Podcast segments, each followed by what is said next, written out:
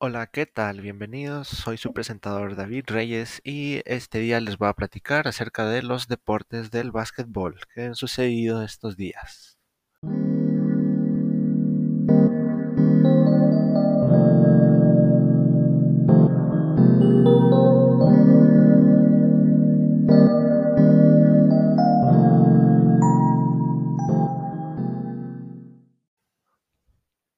Hoy les vengo presentando el reporte de los deportes del básquetbol.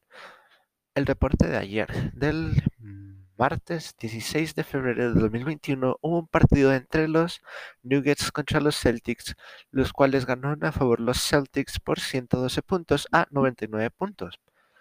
También hubo un partido de los Pelicans contra los Grizzlies de favor los Pelicans a 144 puntos contra los Grizzlies 113 puntos.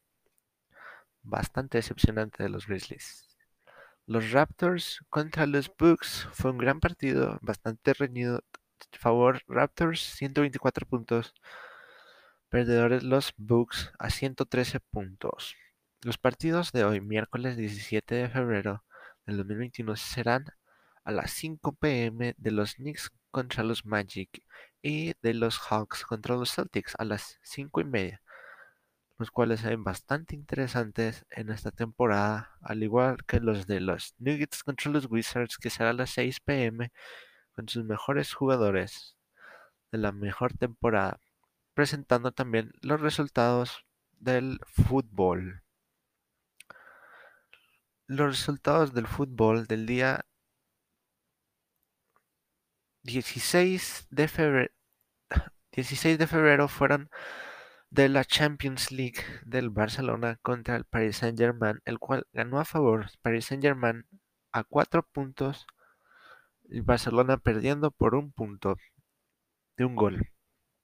También hubo un partido entre el Liverpool y el RB Leipzig, el cual ganó Liverpool con dos goles y RB perdió a cero goles.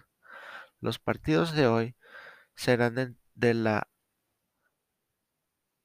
FC Porto y la Juventus.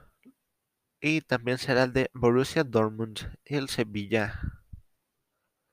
Gracias, esto fue presentado por David Reyes.